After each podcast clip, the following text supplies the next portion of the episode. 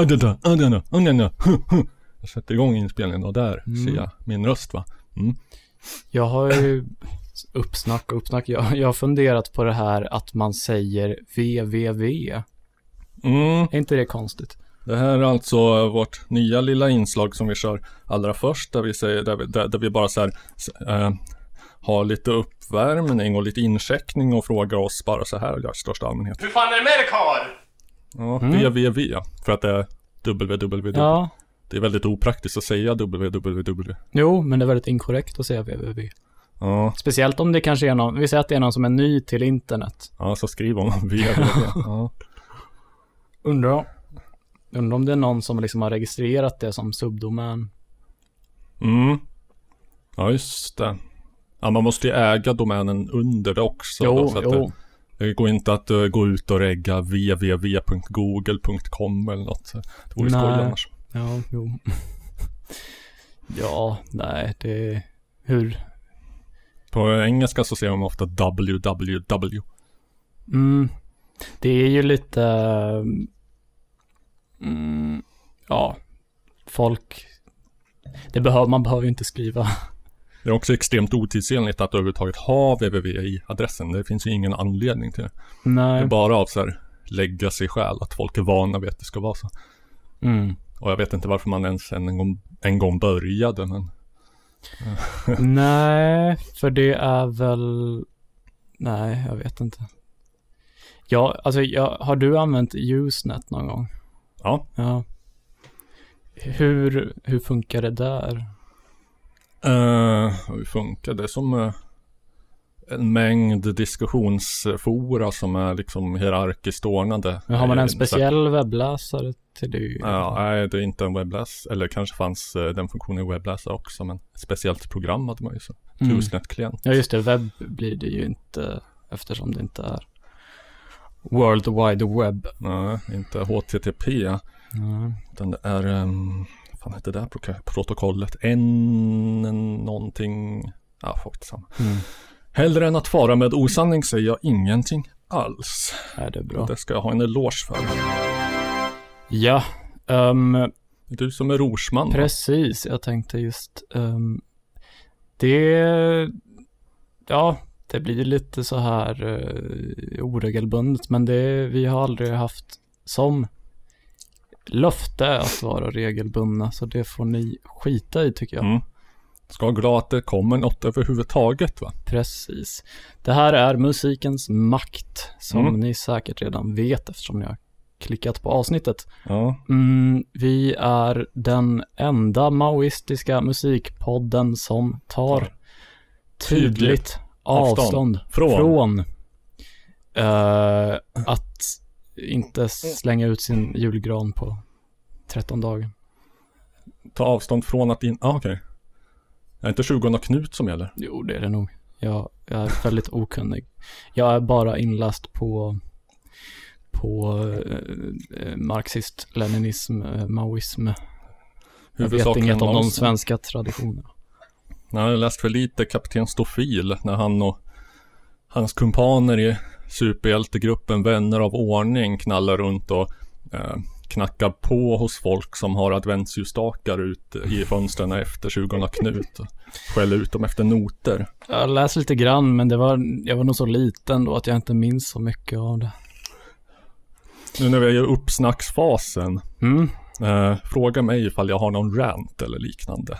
Ja, what grinds your gears? Vad glad jag är att du frågar. Eh, ingen har väl kunnat missa att eh, USAs president är cancelled från sociala medier. Nej, Hurra och jippi säger alla. Vad bra, slipper jag honom. Det är svårt att ta in hur jävla absurt det faktiskt är, det faktumet. ja, ja, fy fan. Ledaren för världens, eh, liksom, mäktigaste land, i princip världens mäktigaste person då, då ifall man inte tror på, liksom, idéerna om Soros och Illuminati och det där Mm, som precis. drar i trådarna i bakgrunden. Deep state. Och eh, det tror inte vi på, för vi är ju historiematerialister va. Precis. Mm. Eh, men han, visst, han har spritt lögner och sått split och uppviglat en mobb av clowner att ta sig in på Kapitolium, jada jada. Men eh, svårt att glädjas ändå tycker jag. Vad är det för tid av oli- oligopolcensur vi går in Mm. i? Oj, Oj, booms, sa du där. Ja, jag borde, jag var lite oförberedd, men jag borde egentligen tagit avstånd från dessa företag. Mm. Ett litet antal megaföretag äger hela den jävla offentliga arenan och kan bara trycka på en knapp så har de tystat vilken opinion som än just nu anses utgöra ett hot mot det bestående. För det ska man jävligt klart för sig att om en person eller rörelse i ett land som inte är USA eller någon av deras kompisar skulle hetsa till någon sorts våldsamt motstånd eller kanske inte ens det mot den regimen så kommer inte de att bli cancelled. Ifall en dissident i Kina sitter och eh, manar till uppror mot den regimen Kommer, kommer han att bli bortplockad från Twitter och Facebook tror du? Um, ja du. Ja. Imorgon kanske är vänstern som står på tur med argumentet att de sprider hat eller är våldsbejakande. Det har man ju hört förut va? Jo, alltså det är ju, mm, det är ju ett tveeggat svärd, svärd det där med, det, det är också löjligt med folk som säger, bla, alltså så, är så här riktigt pedanter bara, det är inte censur för det är inte statligt. Nej, nej, nej. De Men- är privata företag etc. men de är också oligopol och i princip mäktigare än stater. Ja. Alltså, bo- borde man ändå kunna ställa någon sorts eh, ytterligare villkor än att de bara ska göra det som deras eh, eh, vad heter aktieägare tycker är bra. Mm. Nej, det är, eh, det, sånt ska man inte hålla på med. Det, Mm. Man ska också ha jävligt klart för sig när man, när man snackar om våldsbejakande och sånt där. Alla samhällsskick bygger delvis på våld eller hot om våld. jo. Alla nuvarande samhällen var en gång olagliga innan de blev verklighet och därmed per definition lagliga. Mm. Alla ideologier utom de mest världsfrånvända hippievarianterna är våldsbejakande. Mm. Politisk makt växer ur en gevärspipa. Citat, den store rorsmannen.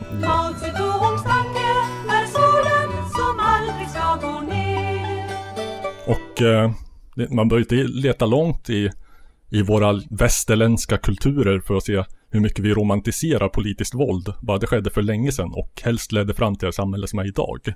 Mm. Eh, Marseljäsen, Frankrikes nationalsång. Ja. Vet du hur den går? Alltså, hitta en översättning. Till vapen medborgare, ställ upp på raka led. Framåt, framåt. Låt fiendens orena blod flyta på vår jord. Ja, det är vackert. Mm. Sossarna sjunger fortfarande rituellt i Internationalen på första maj, även om de skippar versen om att vi skjuter våra generaler etc. Så att eh, de som tillhör mittfåran, som till exempel jag då, Mm. eh, bejakar bara det våld som just nu råkar vara lagligt. Statens våld. Precis. Våldsmonopolet. Jag är en vän av våldsmonopolet. Det är en Mm. åsikt som aldrig kommer att bli cancelled.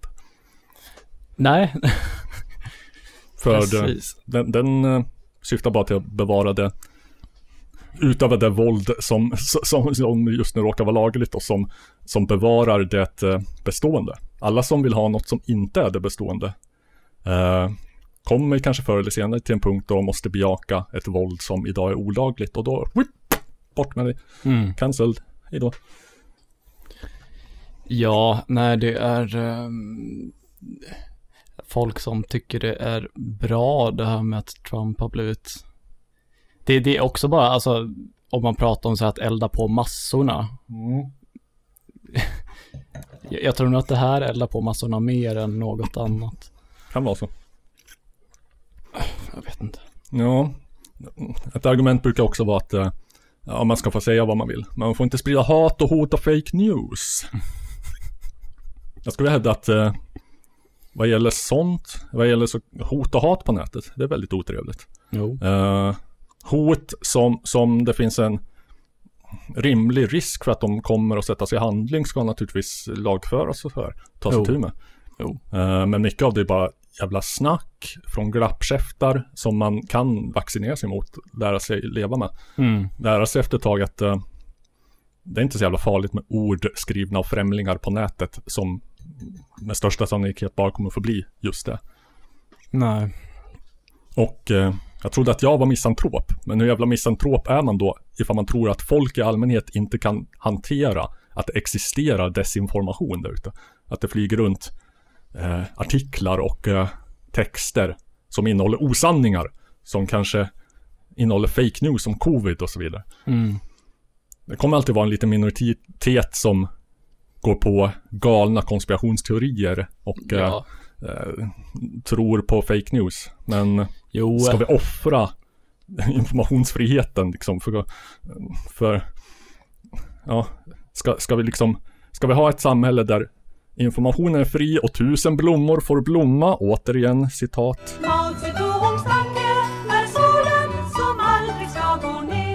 Och kanske en liten minoritet snöar in på galna konspirationsteorier och sekterism och kanske är lite röviga mot varandra på nätet. Eller ska vi ha någon sorts tvångsmässigt snällt internet där namnlösa makthavare och algoritmer bestämmer vilken information vi ska kunna ta del av. Till och med Paul fucking och börjar in, sätta in censurasterisker i ordet idiot. För att inte någon jävla robot ska kicka honom från the Facebook. Är det det vi vill ha? det är en sån liberal smörja med det här snacket om fake news. Mhm. Ja, jag hörde apropå det en riktig, riktig sån vänsterintellektuell Mm. i en podd som drev ett bokförlag som går ut Adorno och annat Mm. heavy shit. Mm. Eh, han hade fått en video automatiskt nerplockad från the YouTube och tilldelats en strike och Mm. kanske en liten shadowban. Sådana vet man ju aldrig ifall man fått det, som är luriga med dem. Mm. Eh, för att han i en video hade klippt in Alex Jones. Känner du till den figuren? Mm, ja. Mm. Som eh, sa att covid-19 is a weapon. Eller eftersom det är Alex Jones så sa han snarare Covid-19 is a weapon. och eh, sen så tillade den här vänstersnubben att ja, det stämmer. Det är ett vapen mot arbetarklassen. och eh, sen utvecklande antagligen på ett mycket intellektuellt sätt som inte alls förnekade virusets existens och farlighet. Nej. Eh, blev den videon nerplockad innan ens hade hunnit offentliggöra den, förmodligen av ett AI. Och hans eh, score försämrades väl då, hamnade längre ner i sökningar av ett steg närmare total utfrysning. Ja, just Alex Jones har väl blivit helt... Typ. Han är väl borta lite varstans ifrån antar jag. Men Mm. det här var ju en kille som censurerade honom för att göra en poäng som egentligen var politiskt raka motsatsen. Jo. Så lyckades han väl efter mycket om och men få tag i någon slags support där. Fick han bara meningslösa plattitydsvar från något som antagligen också var ett AI. Så att där kommer man inte så mycket längre heller va. Eh, vad ska vi göra? Vi behöver en ny dubbelmakt. Mm. Jag tror, jag hoppas på att eh, webb 3.0 kommer innebära att Big Tech eh, konkurreras ut av någon sorts så här, mm, flytande decentraliserade sociala media som bygger på att det, att det liksom svävar runt en stor informationsmassa av poster i någon sorts hård decentraliserad, decentraliserad peer-to-peer variant eller blockchain eller whatever. Eh, och bygger på öppna standarder så att det, det svävar runt ett stort jävla amorft moln av eh, poster och information som ingen har, ingen enstaka aktör har kontroll över. Den bara flyter runt där och sen kan olika tjänster liksom eh, byggas som tappar in på det här och filtrerar det efter sina behag. Och eh, Mm. så, ja de kommer ju ganska billiga i drift då för att allting svävar ju runt där i ett oformligt moln. Och eh, ja, jag vet inte, vad tror du om den idén?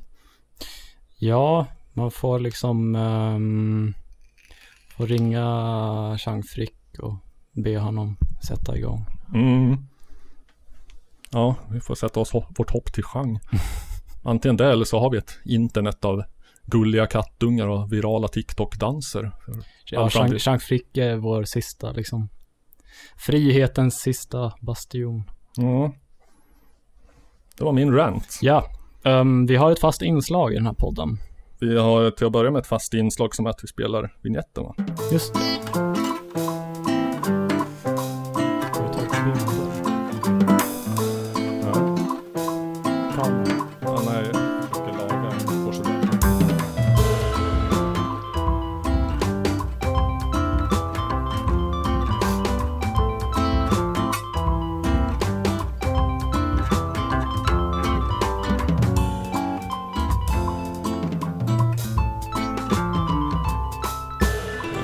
Hallå i stugorna och andra bostäder. Man ska inte vara exkluderande. Slott Det- såväl som koja. Jag har väl redan sagt vilken podd det är ni lyssnar på, Mm. men det, det är, eh, vad är det, Tål 19, att upprepas. 16, 17 är det januari vi spelar in. Ja. Eh, ni har ingen, eller vi vet, tänk om det blir någon så här jättestor händelse. Ja. Ja, ja vi, jag tänker att vi, ger oss in i det fasta första inslaget ganska fort. Då eh, ska vi se vilken vignett du vill höra på det. Den som, ja, den nya från mig. Den här som jag har kallat för lyssnat på Monkey Island för att den påminner om musiken från detta underbara spel.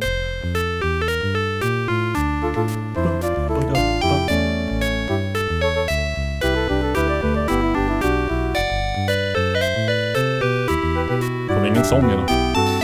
Nej, musiken får tala för sig själv. Ja, vad har du? Robert Huselius, vi har inte presenterat oss, men Nej, jag vet det nog. Det är skitsamma. Ja, vad har du lyssnat på sedan sist? Individen är inte viktig va? Precis. Eh, jo, eh, jag lyssnar på Al Bowley. Mhm. Mm, ett välbekant namn. Nej, det är det inte. Ja, inte för mig heller skam till sägandes. Han var den populäraste sångaren i Storbritannien på 1930-talet. Mhm. Eh, också stor i USA där han hade ett eget radioprogram på NBC. Eh, tämligen bortglömd idag. Vet inte om man kan förstå varför, men man hör musiken. Men jag är otroligt eh, svag för den här eh, väldigt konventionella smörjan som prånglades ut på vid den här tiden. Jazzen hade gjorts vit och eh, rentvättad och eh, smörig. Eh, Sen, eh, och så alltid liksom en, en vers och en refräng instrumental innan sången kommer igång. Mm. De här kronersarna som man kanske mest tänk, associerar med gamla Disney-filmer idag. Det är Jo. sånt jag tänker på när jag Jo. musik.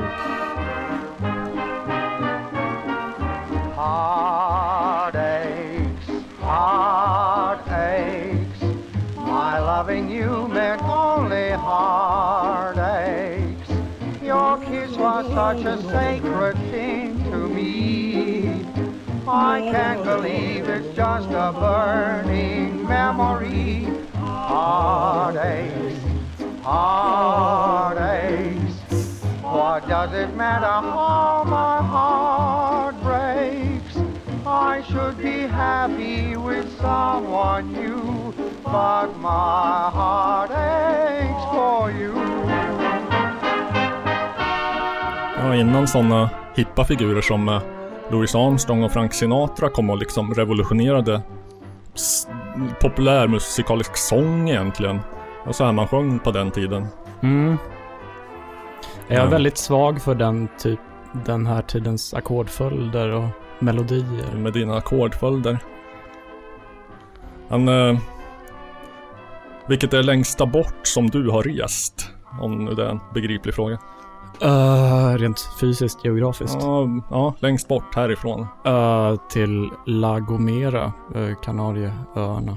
Ja, det är ändå utanför Afrikas kust va? Så Mm. att, eh, en liten bit. Istanbul är det längsta jag kommer Mm. någonsin. Den här killen, han föddes 1899 i Mosambik Ja. av grekiska och libanesiska föräldrar. Växte upp i Johannesburg. Mhm. Inledde sin karriär på 20-talet genom att sjunga i Indien och Singapore. Oj. Ja, det ligger vi i lä. Mm. Tyvärr dog han redan år 1941. När en tysk bomb exploderade utanför hans lägenhet i London. Oj. Så för att vara en så internationell artist hade han maximal otur med var han råkade befinna sig just då. Ja. Det blev ett kort liv, men vilket liv va? Eh, Ja. Någon, någon man vill se en biopic om så är det den killen. Ja, dagen Disney-musiken dog.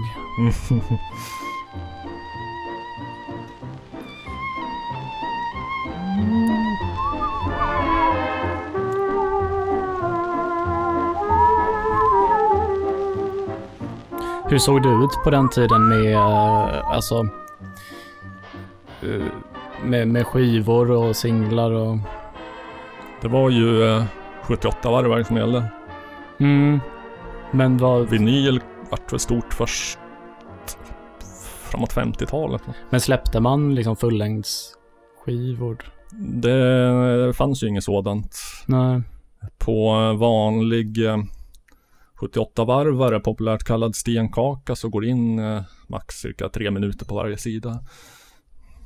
Det är intressant där hur, eh, hur liksom den tekniska begränsningen ändå lite har format popmusiken än idag. Alltså just eh, längden. Ja, jo, alltså tre, tre minuters normen lär ju komma därifrån.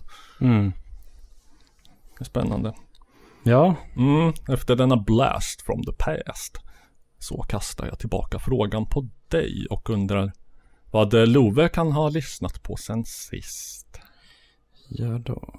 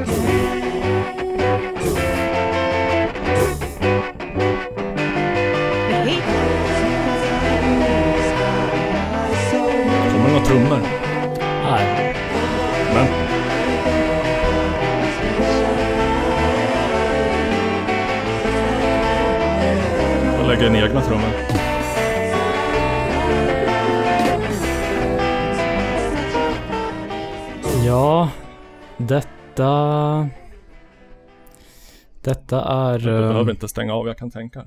Ja, det, det är väldigt kort låt så den är ändå typ slut. Um, det här är uh, ett japanskt band som jag uh, upptäckte av en ren slump när jag ville lyssna på Bellan Sebastian-låten Photo Jenny. Mhm. Mm, då sökte jag på Spotify på Photo Jenny. Så kom det upp ett band, eller ja, det var inte första, men det kom upp ett band som hette Photo Jenny. Jaha.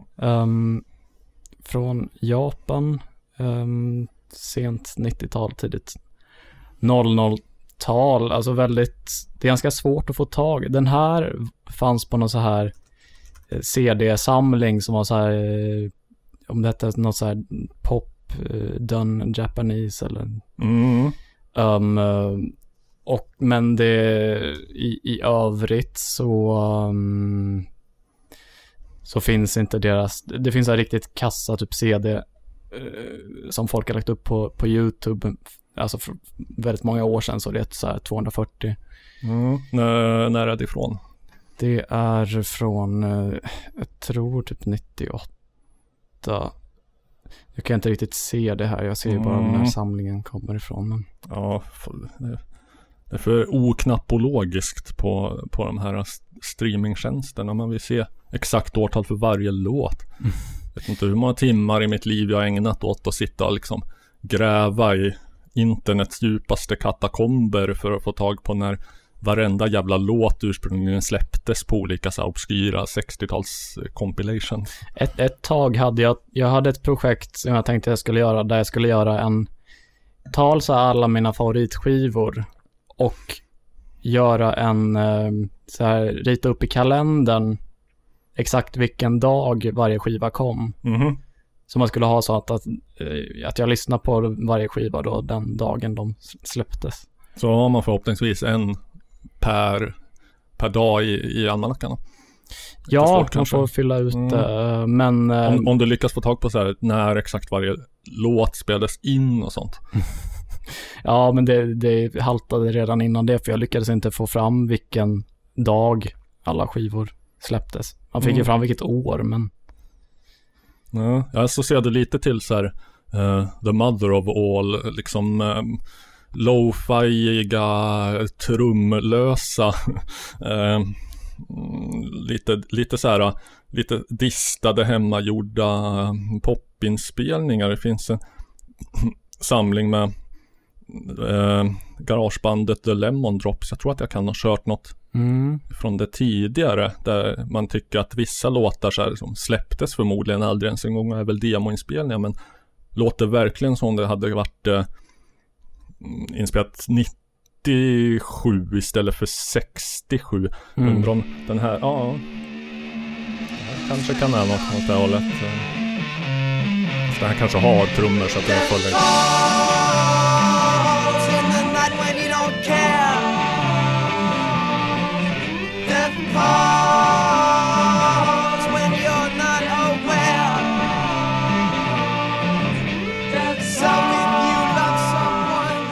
Du hör eh, associationen kommer ifrån.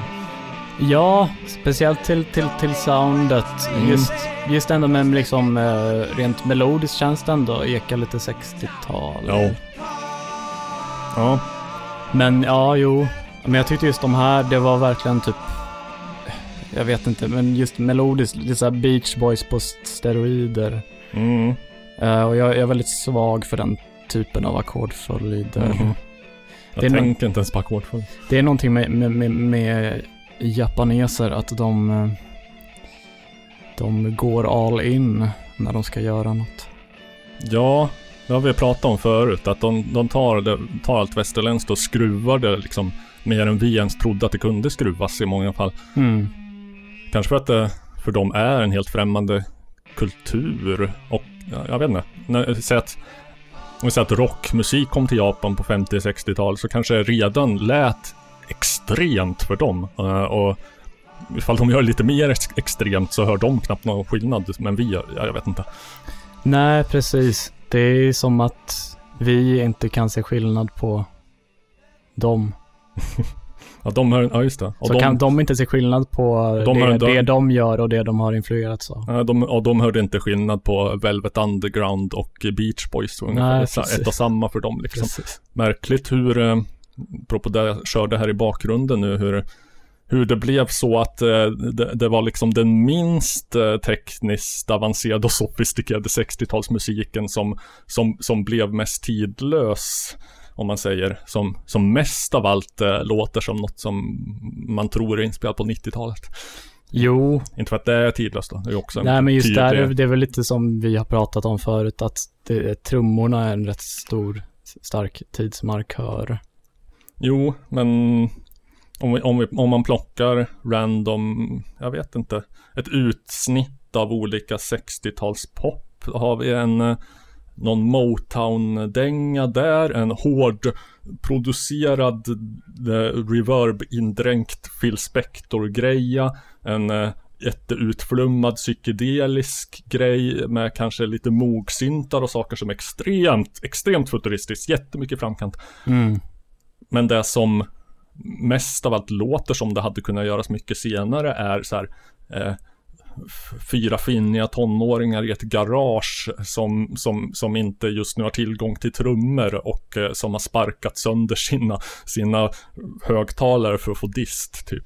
Ja, men alltså just det där med, med, med, med trummorna och kanske lo-fi-aktiga grejen är väl, det finns väl en, en del materiella faktorer där att, att om det, alltså just på, ja, när det, när det sen började bli populärt med, med liksom porta eh, studior och eh, kanske framförallt nu på senare tid när man kan sitta med datorn och spela in där, så, så det har gjort att många fler kan, kan göra musik eh, och vara rätt eh, lata eller liksom inte ha, alltså göra musik utan att ha sådana pretensioner att det ska vara jätteväl producerat och, och det då, då är det klart att det man, att om man lyssnar på något gammalt som på något plan det, det har blivit mycket mer populärt med sånt på sedan, kanske framförallt 90-talet.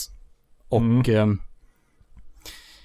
ja, då, då, då är det nog klart att man associerar sånt lite till till exempel det du spelade. Ja.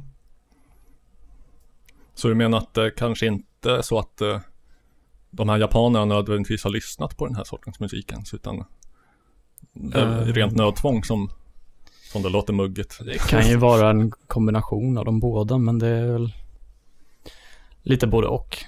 Mm. Eh, jag, jag har en liten, eh, en snabb liten uppföljning på det gamla temat 60-tals elektronika som ligger och Mm. gnager i huvudet på mig. Mm. Eh, jag ska först bara säga, och inte för att för, föresväva något, något, något, eventuellt framtida kommande inslag. Nej, nej, det vore mig mycket främmande. Eh, att anledningen till att vi, som nu säkert alla har sett och, och liksom undrat över inte tog upp Bruce Hack i det avsnittet är för att eh, när han började göra, eh, vad ska man säga, elektronisk pop för en vuxen publik, han hade gjort barnskivor innan, Mm. så var det redan 1970. Ja. Så att eh, då har vi det avklarat. Men eh, jag försökte forska lite i när Moog-synten användes för allra första gången på Mm. skiva. Mm. Eh, jag hade en idé om att det var Simon Garfunkel faktiskt för att de använde den i Save the Life of My Child som gavs ut 68 men spelades in november 67. Eh, visade sig att eh, en annan inte alls liksom särskilt obskyr aktör nästan motsatsen va? Mm. The Monkeys. Mm. De var lite före. Man hade Moog 67 men allra först var eh, en skiva som, som antingen heter The Zodiac Cosmic Sounds eller Cosmic Sounds The Zodiac. Man vet inte riktigt vilket som ska vara artisten. Och, eh, var, nej. var inte riktigt ett band utan bara en sån här ad hoc Mm. greja. Eh, ska fråga dig vilket, eh, vilket stjärntecken är du född i? Jag är född i Tvillingen. Det heter väl då Gemini. Gemini. Eh, och då låter din låt eh, så här. Ja.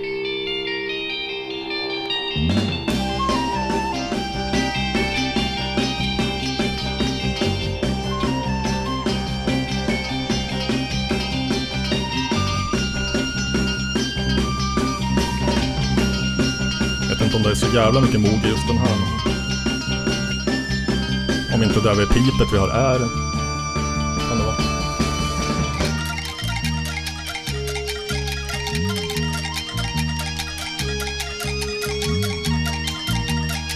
Det är väldigt tacksamt att göra temaskivor om eh, stjärntecknen.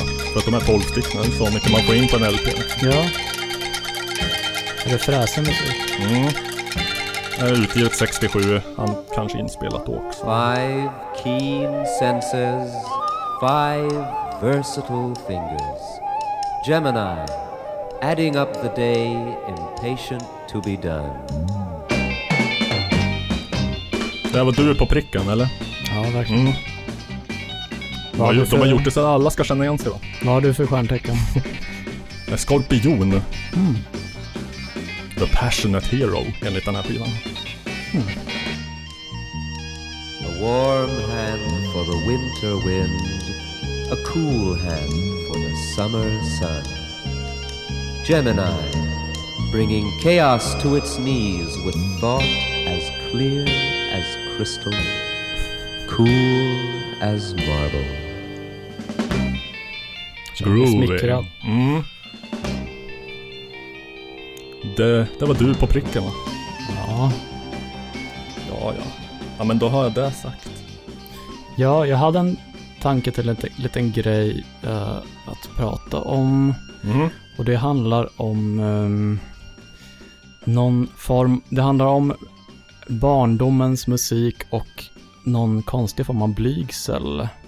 Mm. Mycket av det liksom, intrigued. min, min, min musiksmak eh, har ju formats av det som min far spelade när jag var Mm. liten.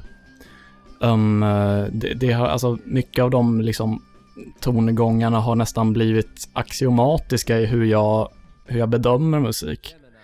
Det, det, det, det har liksom inpräntats i min hjärna och blir bli något jag relaterar allt annat till och kan ja, jämföra med eller liksom ställa det emot. Och ehm, många, många av de här melodierna framförallt var så väldigt starka i med att de liksom satt, det, det kan till och med ha varit något, så här, något som han bara spelade ett par gånger eller under något år som han sedan inte spelade mer. Men, men melodierna var så starka att det, de- satt kvar i minnet på mig under väldigt, väldigt, väldigt många år. Eh, utan att jag visste vad det var för låtar.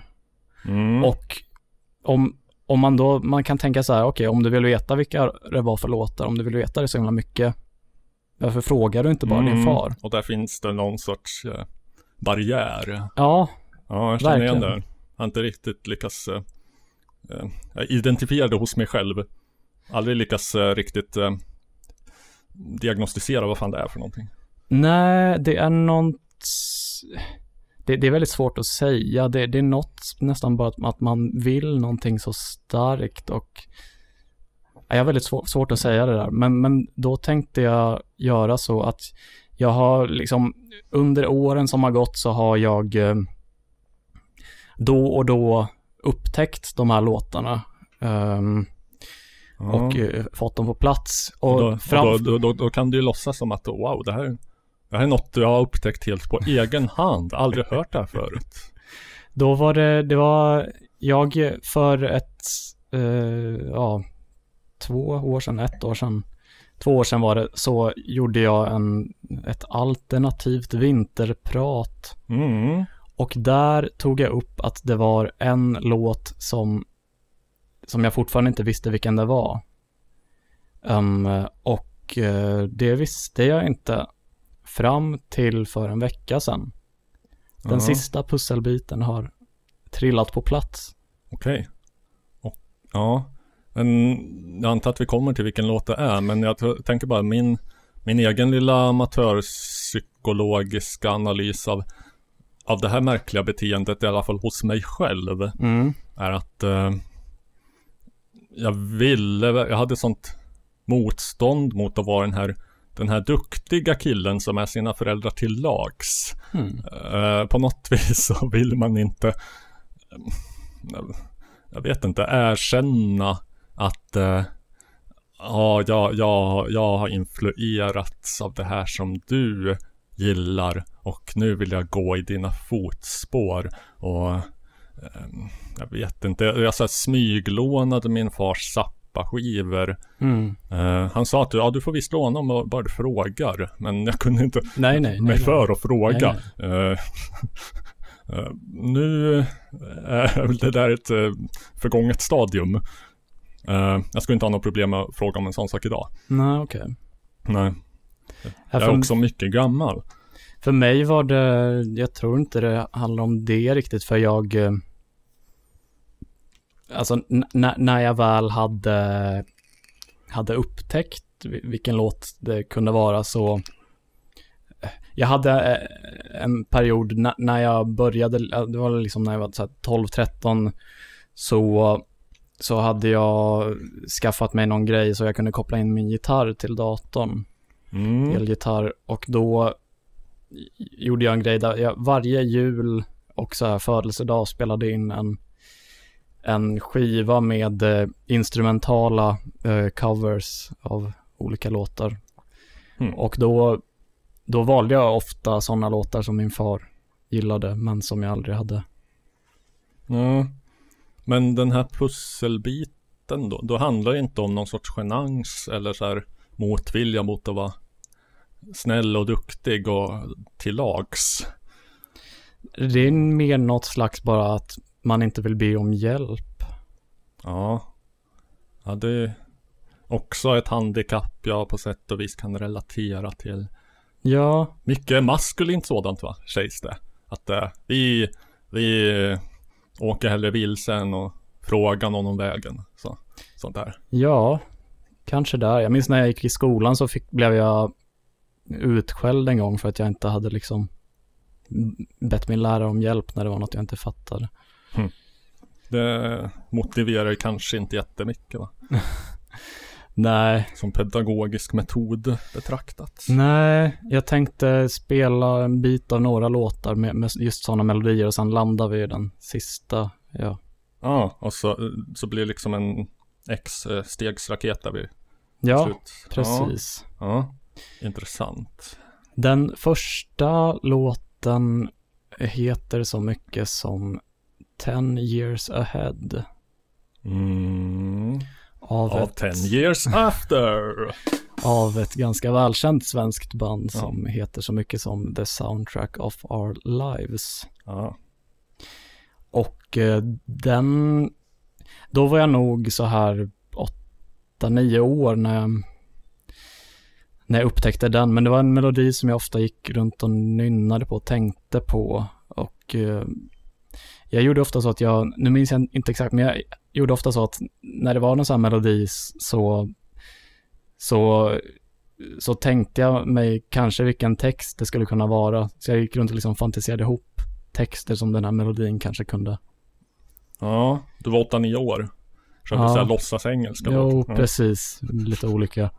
Jag ska ta upp en sån grej på, på nästa låt jag ska spela. Men ska se om man får nog spola fram lite här tills den eh, instrumentala biten kommer Ja, igång. ja, Lasse Lundahl. Ska,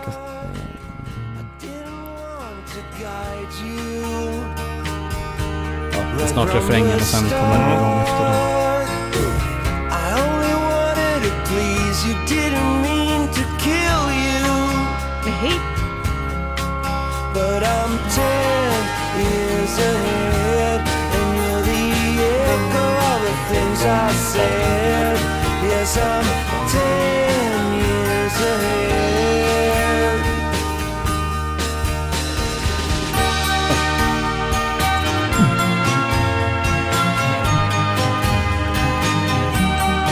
There you go. Det var den melodin då som Den var tjusig. Nej, Ja. vilken skiva är det här från? Det är från eh, Behind the Music. Från, eh, vad är det, 02? Noll, ja, ja, något sånt där kanske. Jag har den på CD vet jag. Du har det? Ja. Jag Ja. kommer inte ihåg den här dock. Det var svinlänge sedan jag lyssnade på den. Ja, nej, men det är en rätt lång skiva. Eh, Jo, den fyller väl ut sina sin, sin CD-längd nästan på 70 minuter eller något om jag inte minns fel. Ja, och näs, nästa låt, då... Det, det är en sån som jag minns texten till, för att jag... Eh, det är jättekonstigt, men, men, men jag eh, hade någon... Jag la någon slags fantiserad text av, inspirerad av... eh, Jag hade nog inte hört den låten, Master of Puppets, Mm. um, men jag. Jag, jag tänkte i mitt huvud så här att den här, för melodin gick så här. eh, du, du, du, då tänkte jag så här. Ganska långt ifrån Master of Puppets. I am the master of the puppets and I know it from the start and I know that you was better than I ever was before. Den får vi lägga en komp på. kommer bli en hit. Den, eh, efter liksom, när tekniken utvecklades så, så var det så att jag hade en helt ny möjlighet. När, när jag hade fått en iPod touch Mm. någon, någon födelsedag. Det var en sån som hade touchskärm och som var typ Precis. föregångaren till iPhone. Ja, men det var... Fast inte phone då. alls. Precis, nej men det var som en iPhone, bara man tar bort liksom det GSM-chippet Mm. och så. Men jag hade wifi och det fanns appar. Och då fanns det en app som hette Shazam. Den hade wifi. Det hade den. Åh fan, ja. Då, då hade den egentligen så allt man behöver av en telefon, för vem fan behöver GSM liksom. Ja, det är ju bra om man ska Mobil, ringa mobil folk. eh, men det ska man inte, men var min poäng lite grann. Eh, någon form av eh, mobildata är ju hjälpsamt. Jo, jo. Naturligtvis. Men det med ringa kan vi komma ifrån tycker jag. Um, eh, då hade jag den här appen som heter Shazam. Shazam. Och- Va, vad var det? Var det en fildelnings... Nej, Nej. nej, det var faktiskt så att om, man, om det var en låt som spelas i bakgrunden, då kan Ja. man klicka på en knapp där Just det. och så identifierade den vilken låt det Ja, var. just det. Det var den första sådana grejerna. Ja, jag tror det. Nu finns det väl andra. Mm, Soundhound och lite Ja, just olika. Ja, ja, så heter det. Soundhound. Och eh, då var det så att om min pappa spelade upp något så kunde jag gå ner till vardagsrummet där han hade stereon och så kunde jag sätta igång den här. Ja. Det är lite smygande av det liksom bara, men ofta var det så att jag, slipper fråga honom. ja men ofta var det så att jag smög mig verkligen ner för trappan och bara kollade så att han inte var där och så gick jag in och Och då var det någon gång när han spelade upp Apterade din lilla apparat någonstans dold så här. Och, så för att den fick bara ligga och shasamma. I mm, hopp om att han skulle spela någonting. Men då, då gick jag ner och då var det någon slags, det var en kvinna med, med piano och lite annan instrumentation som, som sjöng och då satte jag igång den här och då fick jag reda på att det var eh, Kate Bush. Hmm. Och då, det var inte den låten som spelades då, men jag började lyssna på henne en del och en dag när jag gick hem från skolan lyssnade jag på hennes tredje skiva, Never Forever. Och då, då föll bitarna på plats där, för då, då fick jag reda på att den Master of the Puppets Mm. melodin egentligen, alltså för det första så var det, det var ingen sång, det var en instrumental melodi just i introt där. Ja. Som du hade placerat någon påhittad Metallica-text Precis. på. Hade du ens hört Master nej, nej, Puppets? nej, det hade jag inte. Märkligt hur barnasinnet tar sig sina outgrundliga vägar.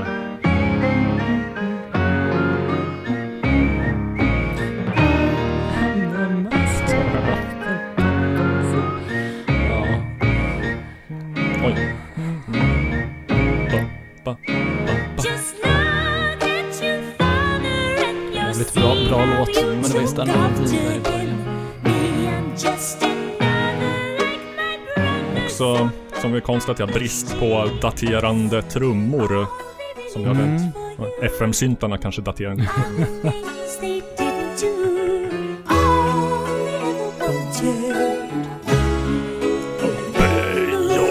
Master!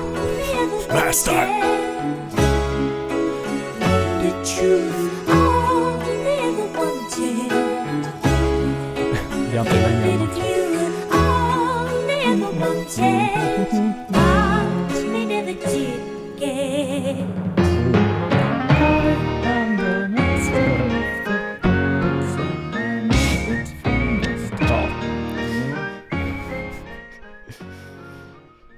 Sen var lite, eh, alltså en del var liksom enskilda låtar, men vissa var det bara en massa olika låtar eh, som, som, som, som jag bara, i något undermedvetet bara ha, hade, hade i hjärnan. Alltså när man hör dem så bara sköld, sköljdes det över en massa minnen och eh, goda vibbar. Mm. Och eh, då minns jag just eh, en låt eh, från, eh, ja, du kommer känna igen den. Oj då. Nu, nu blir det pinsamt om jag inte gör det. Ja, men det kommer du göra. Mm. Säg aldrig. Jo, det kommer jag.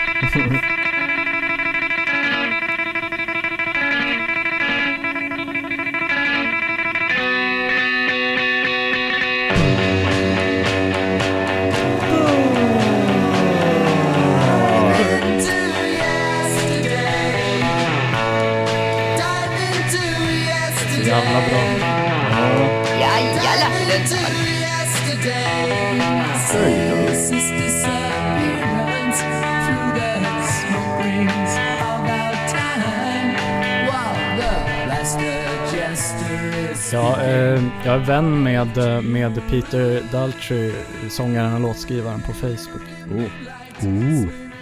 Ja, det här är alltså från eh, det brittiska Kaleidoscope som det råder viss eh, kontrovers om inom, Ja. eh, inom Musikens Makts centralkommitté. Ja, det var- Huruvida de är det andra eller allra bästa Kaleidoscope från 60-talet. Precis, vi har haft många liksom Ja. eh, intern kritik, Många. Många, ja, många självkritik-sessioner och nattmanglingar. Ja. Mm, för att jag vill ju då hävda att det, det är de otroligt liksom äventyrliga och eklektiska USA Kaleidoscope som ändå tar eh, kakan så att säga. Ja, Ja, mm. jag är inte så um, inlyssnad på dem. Nej, jag försöker hitta någon eh, Jag vet att du har en, en spelat. viss, ja, jo, jag körde, de, de, de har ju vissa så här långa arabinfluerade instrumentaler och sånt, men de har också sina egna takes på liksom amerikansk old time musik och sånt där. Eh,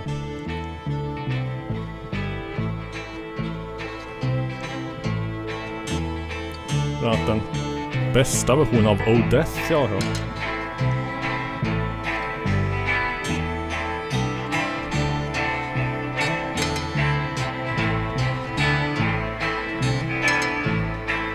My name is death, and none can excel. I can open the gates to heaven or hell. I can cast aside He cast it aside and set you free. Oh, death,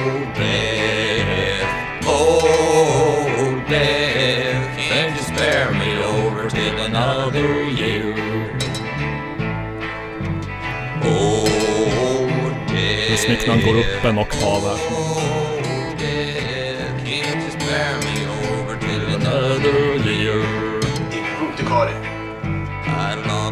Ja, som han gör någon gång. Kan försöka... Nej, nej, nej, nej, nej, Titta. Lite magiskt, bara hoppa. fram. Ja, där kanske. Mama, mama, come to my bed and please a cold eyes are closed and I cannot see. I feel the sheep pulling over me. Oh, death, oh, death, can't you spare me over till another year? Oh, death, oh, death. Det låter nästan lite såhär som en lite mindre flippig Holy Motel Rounders. Ja. De kan vi... De, de, de, de, går vi in på vid ett senare tillfälle. Ja, men Ja. jag... Eh, hade ju- Ja, den sista Mm. här då är... Eh, saken är ändå... Eh, jag går in på min Soundcloud här. Kedjor mellan benen. Um, sju år sedan. eh, när jag var 13-14. eh, Mm. Så... s- la jag upp ett, en, ett klipp här som jag döpte till What is this song called? Mm. Eh, som jag gjorde några inlägg om på någon Reddit-grej och det var ingen som kunde. Och Shazam. Shazam tog den inte heller. Precis. Ja. Eh, den lät då så här. Det är åtta bitars grej för det var det, de medlen jag hade. Ja.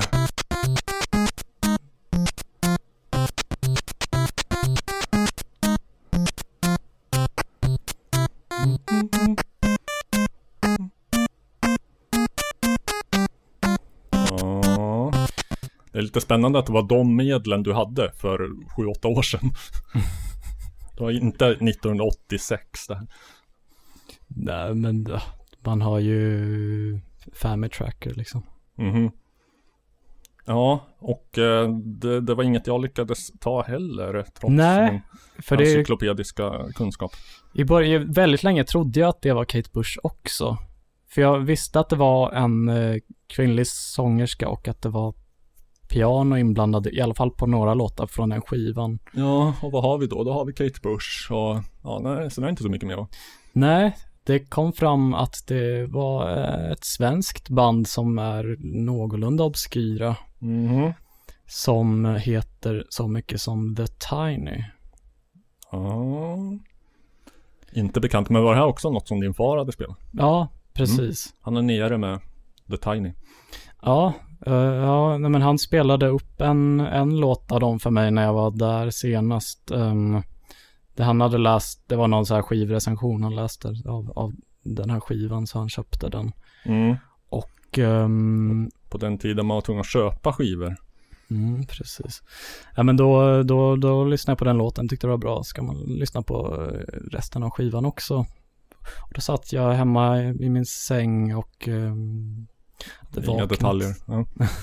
Det vaknat och satte på den bara, okej, låg och jäste. Och då bara det. slogs jag i en av, jag ska spela upp början här till versen och refrängen, sen hoppar jag till i slutet där den här melodin kommer. Mm. Låter mycket lämpligt och pedagogiskt.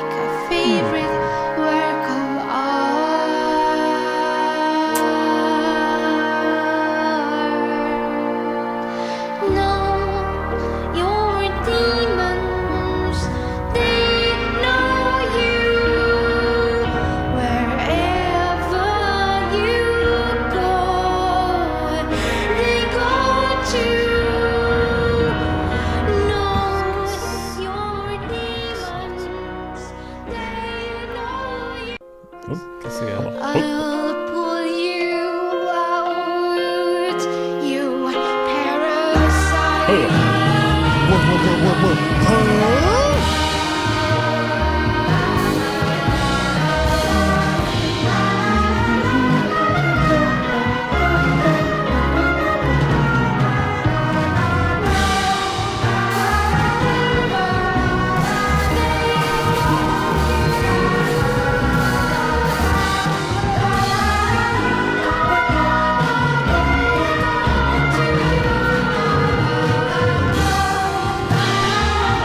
tycker det är så extremt jävla stark melodi. Jag får lite mys av den här... eh, Mm, jag vet inte, mest trumljudet i den här freakouten. Det låter nästan exakt som när min barndomsvän Jonny och jag spelade in trummor i Tegelvillans studio i Valla. Sent 90, tidigt 00-tal. Det blev liksom soundet i bästa fall så här. Det är, eh, det är Jari Happ, vad heter han, Happalainen Känner jag igen ja. som spelar trummor på det. Mm. Det är då The Tiny, det är, ehm, det- det är, ja, jag, jag skrev lite med, med hon som sjunger där, hon heter, eh, Jag gillade när freakouten kom. ja hon heter Elle Kari Sander. Mhm. Eh, jag frågade ifall hon ville vara med i podden när jag lyssnat in mig lite mer. Hon gav en tumme upp, jag vet inte vad man ska utläsa av det. Nej, Ja eller nej. Tummar upp är ju till intet förpliktigande. Nej. Nej men det var, det var det. Ha- Minns du någon, nå- någon sån musik liksom som du, du hörde när du var liten men som du upptäckte senare? Eh, som, som, som jag liksom mindes kanske vagt en melodi och... Ja, Uh. Sätter du mig på pottkanten? Eh, det kan säkert hända. Inget som jag spontant kommer på. Som jag liksom har fått leta mig fram till på det där viset. Nej. nej för du, det, det, den enda bild jag har är att din pappa lyssnar mycket på Frank Zappa. Ja. Ehm, ja, jag tror att han var, var, var mer liksom ett allmänt fan än han, jag minns inte jättemycket att jag hörde Frank Zappa Ja, okej. när jag växte upp. Mer att han hade liksom alla jävla skivor. Typ så här uppåt ett par hundra vinylskivor inklusive så här superrara bootlegs med handmålat omslag som finns i några Oj, hundra oj. ex typ så här. Eh, och eh, på den tiden t-shirtar och så här en halsduk som hängde på väggen och sånt. Uh, det jag minns att det spelades var väl mera Ebba Grön, KSMB och Magnus Uggla typ. Tycker jag om, tycker jag om, tycker jag om. Jag tänkte på Magnus Uggla senast idag. Ja, Att nu ska vi säga så här att eh, någon ska väl inte eh, i, i, i brist på, på annat vin, eh, jag brukar ju brygga Chardonnay hemma va. Mm. Ehm, mycket för att det är det vinet som dricks i podden ehm, och vad ska jag säga, bokserien My Dad Wrote a Porno. Som är officiellt, Rocky Flintstone. ja, officiellt världens roligaste podd som alla ska lyssna på. Ehm, Belinda Blink heter ju böckerna och där dricker de Chardonnay, eh, så Chilean Chardonnay, det har inte jag då. Men så att då, då har jag liksom approprierat den drycken. Den här gången hittade jag ingen Chardonnay när jag skulle köpa utan det fick bli Chablis.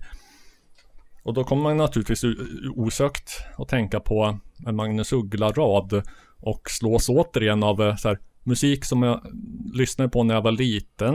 Eh, jag lyssnade svinmycket på Magnus Uggla från att jag var kanske så här tre, fyra år fram till upp till, ja, upp mot mellanstadiet så här. Mm. Och eh, mycket av texterna gick ju rakt över huvudet på mig. Begreppet ironin och mycket av orden och mycket av eh, referenserna. Man fattar Ja. lite vagt att det här är en sång som driver med kändiseliten och det här Mm. med överklasstanter och sådär. Mm, man fattar inte Mm. vem Henning Penning var. Nej, men så när jag tänker tillbaka på de texterna idag, de, de tilltalar mig, jag tyckte det var roligt när jag var liten. Mm. Eh, tänka på om idag så är det ofta rena liksom eh, en, en låt kan heta Dyra tanter och eh, ha, ha ett extremt plumpt satiriskt budskap som går ut på att eh, överklasskvinnor som gifter sig till rikedom, de är horor allihopa. men men så texten kan vara av ren Karl Gerhard-nivå nästan. Och han, Karl Gerhard var ju också, har också hela tiden varit en stor favorit hos Magnus Uggla. Mm. Finns någon intervju när han berättar om hur han fick höra Karl Gerhards Jazzgossen på 70-talet och, och tänkte så, vad fan, han var glamrockare på 20-talet. Hoppas min imitation får godkänt. Ehm, och eh, Ja men så, så i den låten då, då är det ändå så här textrader som är Hon sitter på Parnassen på Coco och Carmen och läppjar ett glas chablis och glittrar lite blygt generat med ett blått etui. En gåva hon fått då hon sett maken med facet i hembiträdets gren. Då vet hon att var sur, ty då öppnar han på portmonnän. Vilken annan svensk popartist från 80-talet och framåt har haft den ändå liksom litterära nivån Mm, på sina mm. texter. Så I synnerhet ifall de handlar om att överklasskärringar är horor. Är det mycket där som går över huvudet på ett barn? Mm. Gren, bara, bara en sån sak. Ja, man tyckte mest det var roligt att höra, liksom lite busigt att höra på låten PF från, jag tror samma skiva, 35-åringen 1990. Eh, där då PF utläst pissfitter och handlar om parkeringsvakter.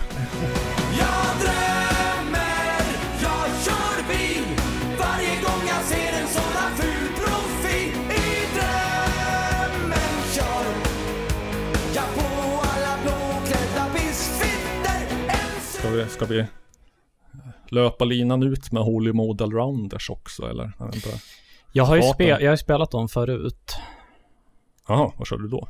Jag körde, eh, det var någon, någon som jag körde i, i eh, liksom, vad har du lyssnat på sedan sist? Mm, Min, inte minst ja. namnet på den låten, men jag körde också den här Griselda Ja, som som, som Jolla Tengo hade gjort en version av. Mm. Jag tänkte liksom, det, det är verkligen så här, ömsom vin ömsom vatten för att fortsätta på det spåret då. Med Holly Mm. Model Rounders. Mm. De, eh, de var väl ursprungligen någon sorts så här old timey band som spelade liksom jug band låtar och så här ja, americana, eh, amerikansk folkmusik så att säga. Eh, och hamnade med det liksom mitt i så här flummig alternativ scen med The Fugs och kanske Kaleidoskop också på ett hörn. Jag vet inte. Ja. Eh, men jag vet inte, man slängs lite mellan nästintill olyssningsbart trams eh, och eh, riktigt bra grejer. Så för att göra dem rättvisa så här är det mer här kan vi inleda med förstnämnda saken. Eller ja, jo, förstnämnda. Om den kan komma igång. va? Mm. Raus.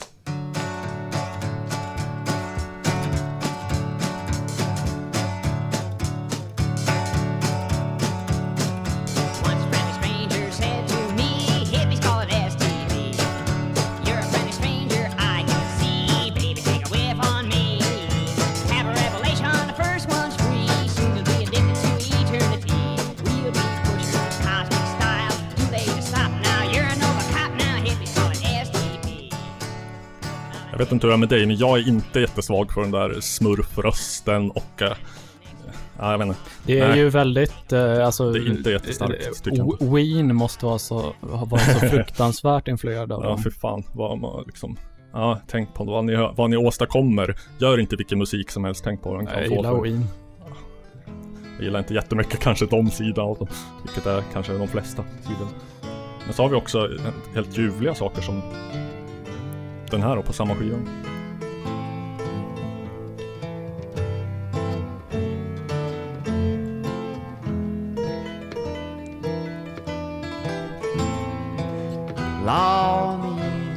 Your lap, Dame Fortune. Chuck my chin, scratch my back, bite my neck, prick my ear. Take up all the slack.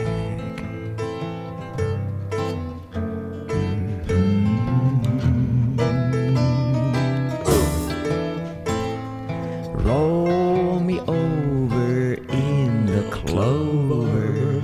Roll me over just like Rover.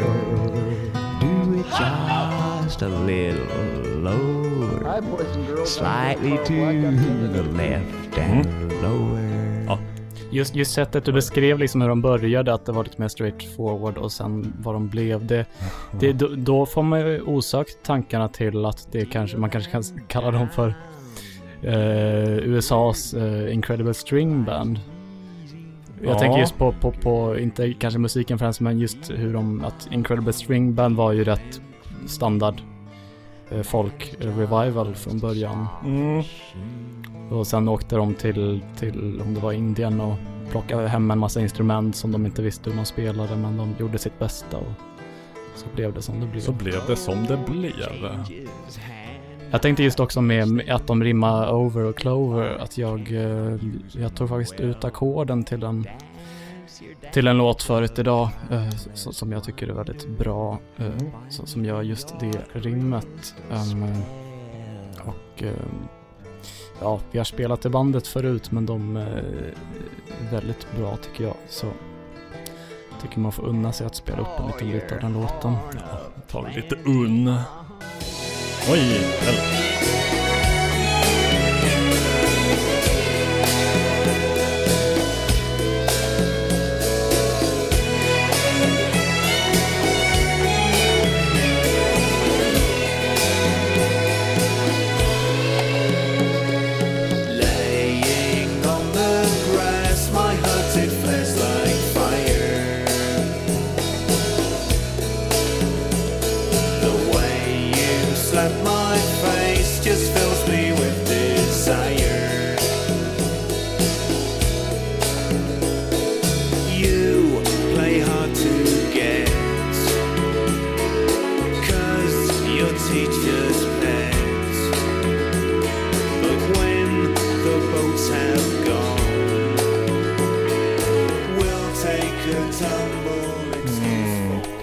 Det är just det andra refrängen som de sjunger Over and over we flatten the clover. Eh, ja, nu, nu, nu kommer jag att eh, göra bort mig, men det gör ingenting. Uh, frågetecken XTC? Frågetecken. Ja, från Åh, Skylarking.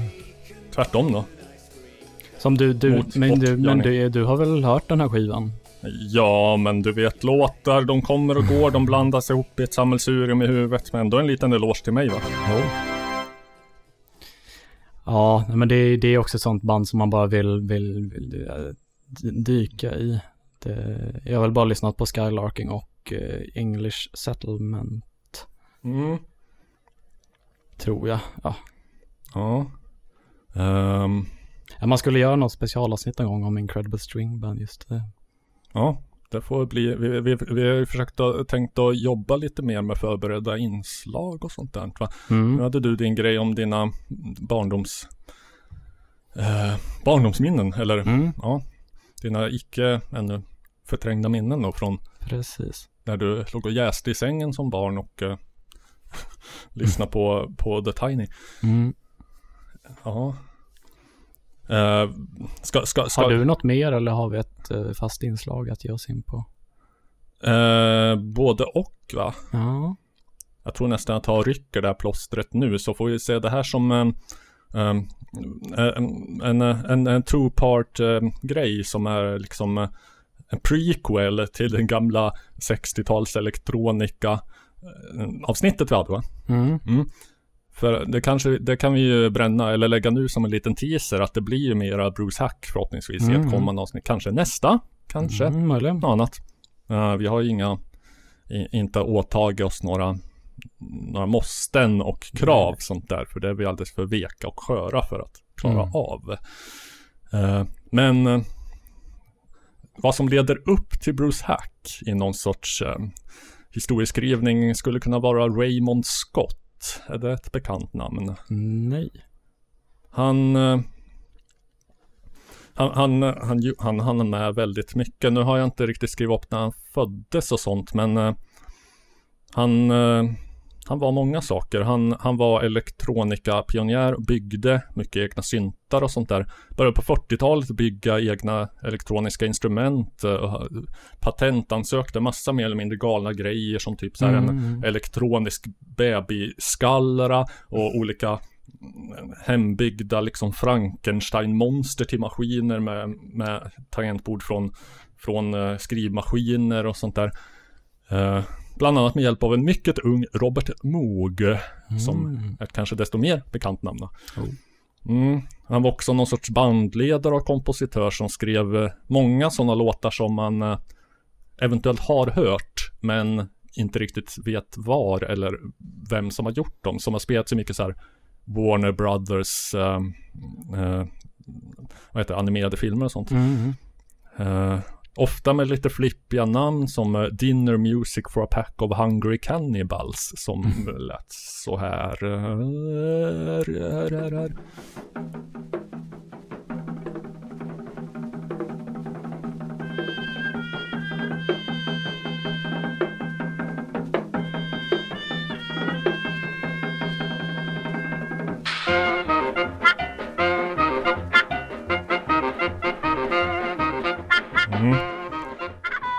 Så att sånt höll han på med, livnärde sig jag förhoppningsvis på. Uh, kuriosum, 1941 Mm. så uppförde han verket Silent Music. Mhm. En samtida artikel skrev The band was going through all the motions. The swart, longish-haired leader led away. The brasses, saxophones, the clarinets made a great show of fingering and blowing. But the only sound from the stage was a rhythmic swish-swish from the trap drummer. A froggy slap-slap from the bullfiddler. A soft plunk-plunk from the pianist. Detta var alltså 11 år före 4.33 av John Mm. Cage. Jag tänkte just Ja. på John Cage när jag beskrev. Ja, jävla copycat. Ja. Ja, Han gjorde mycket reklammusik. Där var det tacksamt att experimentera med elektroniska klanger för att de ville ha sånt som, som pops, som står Mm, ut, mm. som fångar lyssnarens uppmärksamhet. Och det gjorde ju liksom elektronmusik i, vid en tid då ingen hade hört sådana ljud förut. Så um, om vi ska få min jävla apparat att uh, ja, ja, det här blir bra det. Det här blir så bra. Mm, kan det där vara någon sån kanske?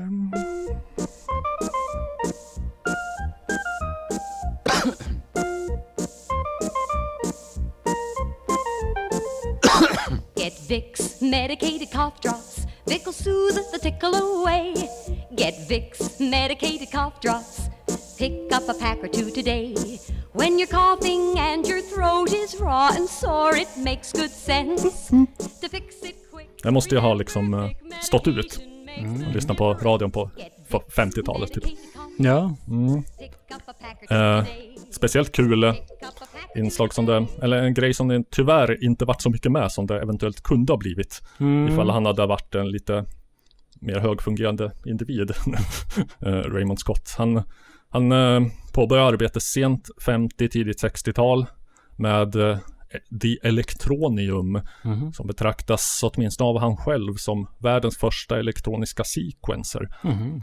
Den skulle bygga på något sorts mycket primitivt AI som tillät maskin och kompositör att så att säga samköra, sa- samarbeta simultant i realtid. Hmm. Eh, att den, den skulle ta en given melodi och fläska ut den till ett fullödigt arrangemang samtidigt Mm. som den tillät kompositören att fläska vidare och liksom i realtid anpassa kompositionen och så skulle de samköra så här. Låter ambitiöst. Ja, och eh, eh, enligt egen utsago arbetade han i cirka 11 år på den här maskinen och la ner nära en miljon dollars. Eh, han blev bland annat anställd 1971 av Barry Gordy, eh, känd från Motown då, Mm. som eh, den, han fick titeln chef för Motowns Electronic Music and Research Department. Mm. Eh, och det här jag, jag gick från att, det här är det exakta ögonblicket som jag gick fr- från att bara beundra Raymond Scott till också känna djup sympati med honom. Mm. Eh, Det var någon som sa att He started originally working on the electronium out of Barry's house. The unit never really got finalized. Ray had a real problem letting go. It was always being developed. This was a problem for Barry. He wanted instant gratification. Eventually, his interest started to wane after a period of uh, probably two or three years. Finally, Ray took the thing down to his house and kept working on it. Barry kind of lost interest. He was off doing Diana Ross movies. Eh, Jag känner igen mig i det här att inte kunna släppa ett projekt och Mm. bara så här Mm. finslipa det in i det sista och så blir aldrig riktigt färdigt. Nej. Och eftersom att Raymond Scott eh, var lite lagd åt det neurotiska och paranoida hållet som Mm. de här eh, galna vetenskapsmännen i musikens utmarker tenderar att vara. Se eh, något gammalt snack vi hade om, ja, var han sån också kanske? Ja. Ja, tänkte mest på Joe Meek som vi har Mm. avhandlat tidigare. Mm. Som så här, klädde in sina hemmagjorda effektboxar i, i kartonger och folie för att inte han var övertygad om att de stora skivbolagen spionerar på honom i hans lägenhet och så. Eh, och därför är det än idag rätt så mycket okänt om hur den där elektronium fungerar eller ska fungera. Och Mm. det finns inte någon känd dokumentation och det enda existerande exemplaret är ännu inte i fungerande skick. Det ägs dock av Mark Mothersbaugh, känd från Devo. Jaha. Mm. 2017 påbörjades ett arbete med att restaurera det som mig veterligen fortfarande är igång. Eh, så att i framtiden kanske vi får höra. Jag tycker det här låter som ett utmärkt eh, ämne för en dokumentär. Ja, jag tror att det kan finnas någonting sånt också. Jag har inte kollat så mycket. Nej. Mm. Men eh, närmaste vi har eh, så att det är möjligt att det här elektronium förekommer på någon inspelning. Fast det vet man liksom inte säkert. Nej. Det finns dock en eh, låt som, som är min favorit av Raymond Scott som är, heter händelsevis Cindy Electronium. Mm. Eh, går så här.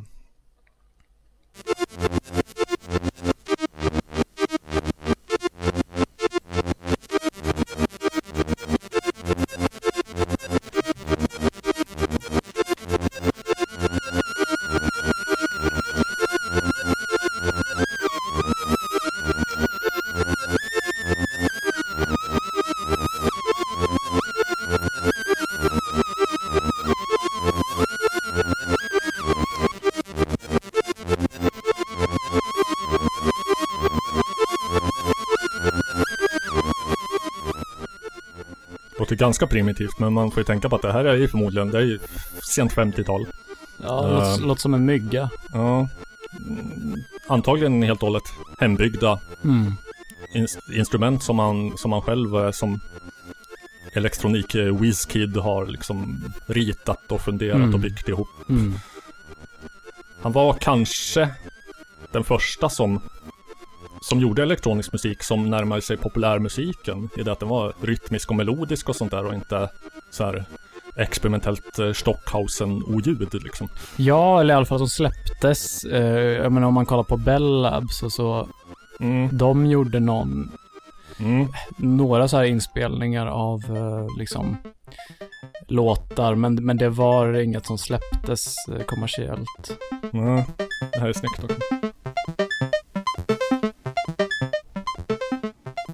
Alltså lägg någon jävla bit på det här och så har du ju så Aphex Twin-dänga från Mm. sent 90-tal. Liksom. Mm. Ska inte förvåna mig om Aphex Twin eller något liknande använt just den här också. Nej. Och redan 53 tror jag det var, så släppte han en, en liten serie skivor som fick noll och ingen uppmärksamhet, men som heter Soothing Sounds for Baby. Mhm. Som är liksom musik anpassad för bebisar. Mm. För att eh, det, ja, det var väl också, till, att börja med en ganska outforskad eh, mm, konsumentmarknad, bebisar, Mm. inom musikbranschen. Men eh, som är speciellt framtagen för att vara liksom eh, lugnande ljud som bebisar tycker om, som är väldigt repetitivt och väldigt, så här, väldigt proto-ambient. Mm. Eh, som kanske så här 0 till 6 månaders människor ska lyssna på, få ro och sova. Så att det var Det var Raymond Scott. Eh, Ja. jag... Eh, mm, när du nämnde Bell Labs så vill man ju bara avsluta med den här. Daisy, Daisy, give me your answer too. I'm half crazy, all for the love of you. Won't be a stylish marriage. I can't afford a carriage. But you look sweet upon the seat of a bicycle built for two. Det är intressant just att, att, att, att vocoden var, var eh, liksom utvecklad i, i för, att- för militära syften. Jag tror att det var en talsyntes faktiskt. Okej. Kanske världens första. Eh, från, från Bell Labs 1963 är det där. Mm. Men just, just med vocodern att det var lite för militära syften. Att den, Mhm. Det var ett sätt att komprimera eh, ljudvågor för att kunna skicka dem eh, längre sträckor. Ja, just okej. Hur komprimerar, eller så att man, eh, man, Det var- man minskar mängden information genom att så här, eh, låta det ha samma pitch. Ja, något sånt. Ja. Eh, Jag kommer nog möjligen komma med mer info om det i ett senare avsnitt. Oh, en teaser. Ja. Har vi ett fast inslag, Robert? Eh, det har vi alldeles säkert. Det beror på vilket du tänker på. Jag tänker på det som eh, firar de som sticker ut. Jaha, okej.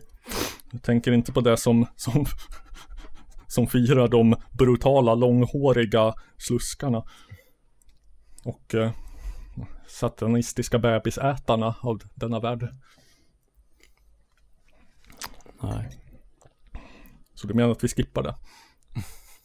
Vi har redan kört så länge så att eh, det kan vi skippa då för att eh, Jag vet väl inte på- vilket in, inslag du syftar på. Ja, jag syftar på, på det där, där, där du ska övertalas att gilla en viss musik. Just det, just det. Sa han föga entusiastiskt. Eh, jag känner mig inte helt jävla förberedd på Nej. den grejen. Så att vi kan istället hylla de, de uh, utstötta stackarna och deras eh, eh, singulära hjärnor. Så uh, ja, så låter det. Bisarra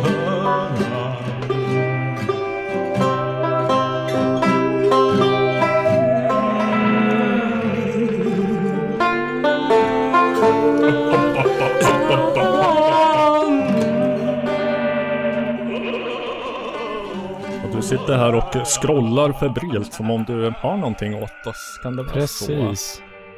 Ja, det, var, det var en till av de låt jag upptäckte när jag, när jag ehm, eh, eh, för, för förra avsnittet, eller vad det nu blir, det, det första efter comebacken, eh, så spelade jag upp en låt av Arvid Tuba. Mm. Ehm, och. Mycket samtidigt som jag upptäckte den upptäckte jag den här låten. Idel öra.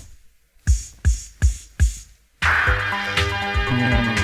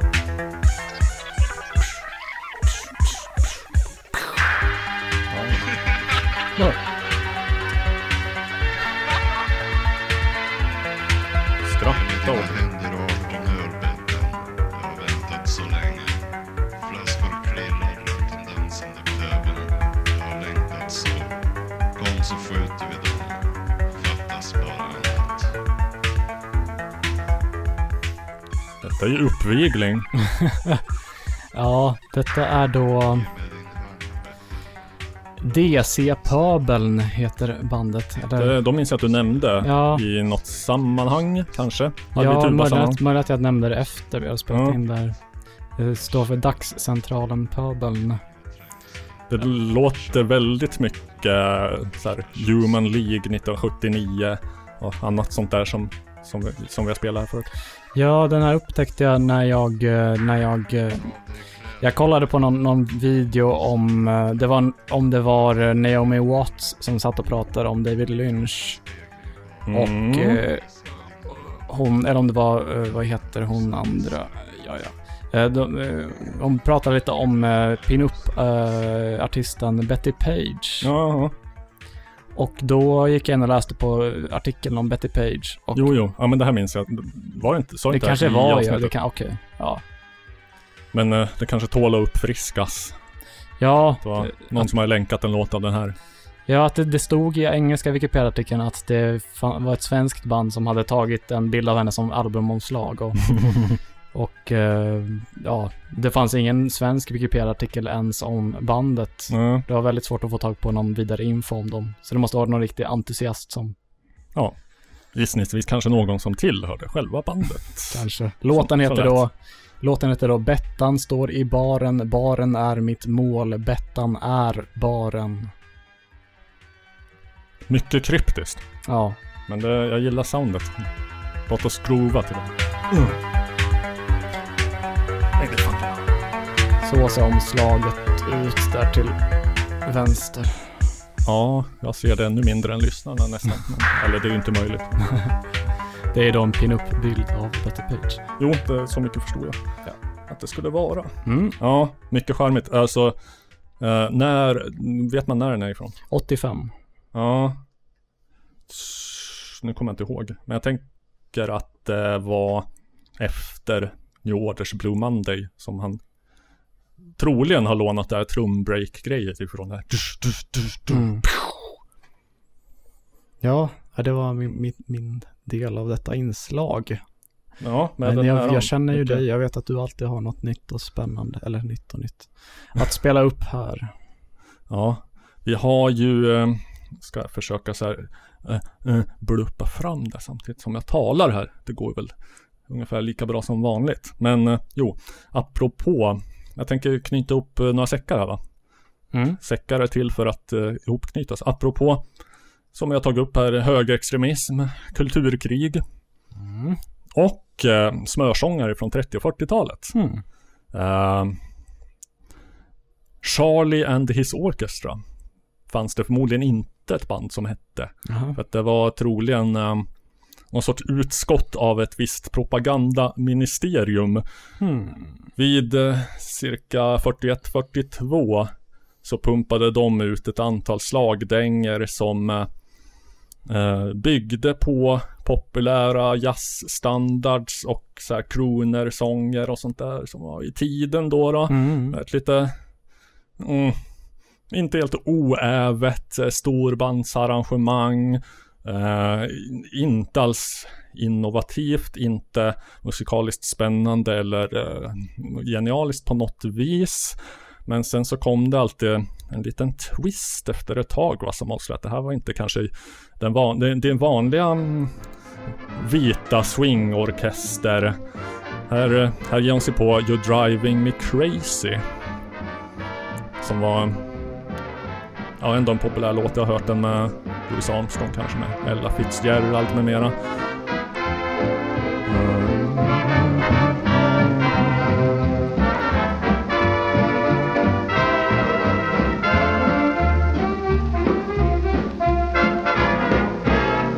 Yes, you, you're driving me crazy. What did I do? What did I do? My tears for you make everything hazy, clouding the skies all blue. Jalla. How true were the friends who were near me to cheer me, believe me, they knew. But you were the kind who would hurt me, desert me when I needed you. Yes, you, you're driving me crazy. What did I do to you. Here is Winston Churchill's latest tearjerker. Ja. Yes, the Germans are driving me crazy. I thought I had brains, but they've shattered my plans. They've built up a front against me. It's quite amazing. Clouding the skies with their planes. The Jews are the friends who are near me to cheer me. Believe me, they do. But Jews are the kind that no hurt me, desert me, and laugh at me too. Yes, the Germans are driving me crazy. My last chance, I'll pray to get in this muddled USA. Lurigt New pact also is driving me crazy. Germany, Italy, Japan, it gives me a pain. Japan. I'm losing my nerve. Varför ska rimma på I'm getting lazy. A prisoner forced to remain in England to reign. The Jews are the friends who are near me. They still cheer me, believe me, they do. But Jews are not the kind of heroes who would fight for me. Now they're leaving me too. Yes, the Germans are driving me crazy. By Jove, I pray, come in USA. Det är alltså en propagandainsats från eh, förmodligen eh, kanske direkt från Goebbels huvud. Då. Mm.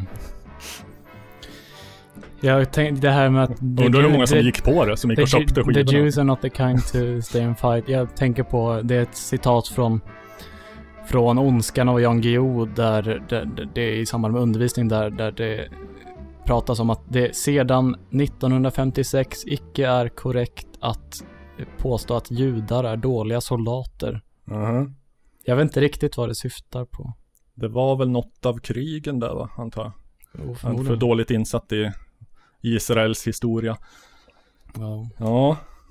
Men eh, man undrar lite grann vilken publik, den tilltänkta publiken var för det här. Om det var liksom, det var knappast för inhemsk konsumtion. Det var väl Nej. för båten att lyssna på sån negermusik, inte Jo, mina ord. Men, jo. ja. Eh, I Nazityskland då. Och den, den är uppenbarligen tänkt för export. Och för att vara någon sorts led i propagandakrig. Mm. Men eh, vilka gick faktiskt och köpte skivorna och varför? Var det kanske dåtidens eh, JVVF-are som satt hemma och, och lyssnade ironiskt och skrattade åt hur, hur farliga de var? Jag vet inte. Jag tycker de, de hade kunnat vara lite mer subtila.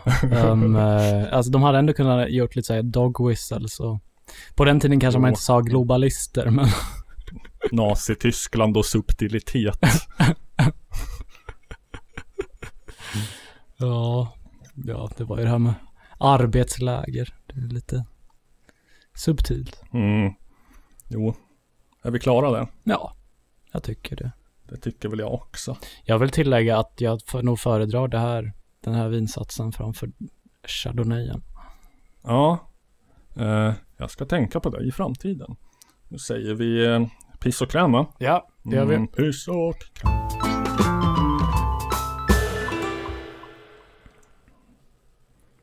Och så glömde vi nämna, eh, gilla på The Facebook, eh, sprid, dela, eh, gå in på The Patreon och lägg en slant så att Love kan få lite mat i sin mage och vi känner oss uppskattade och Ja. eh, omtyckta.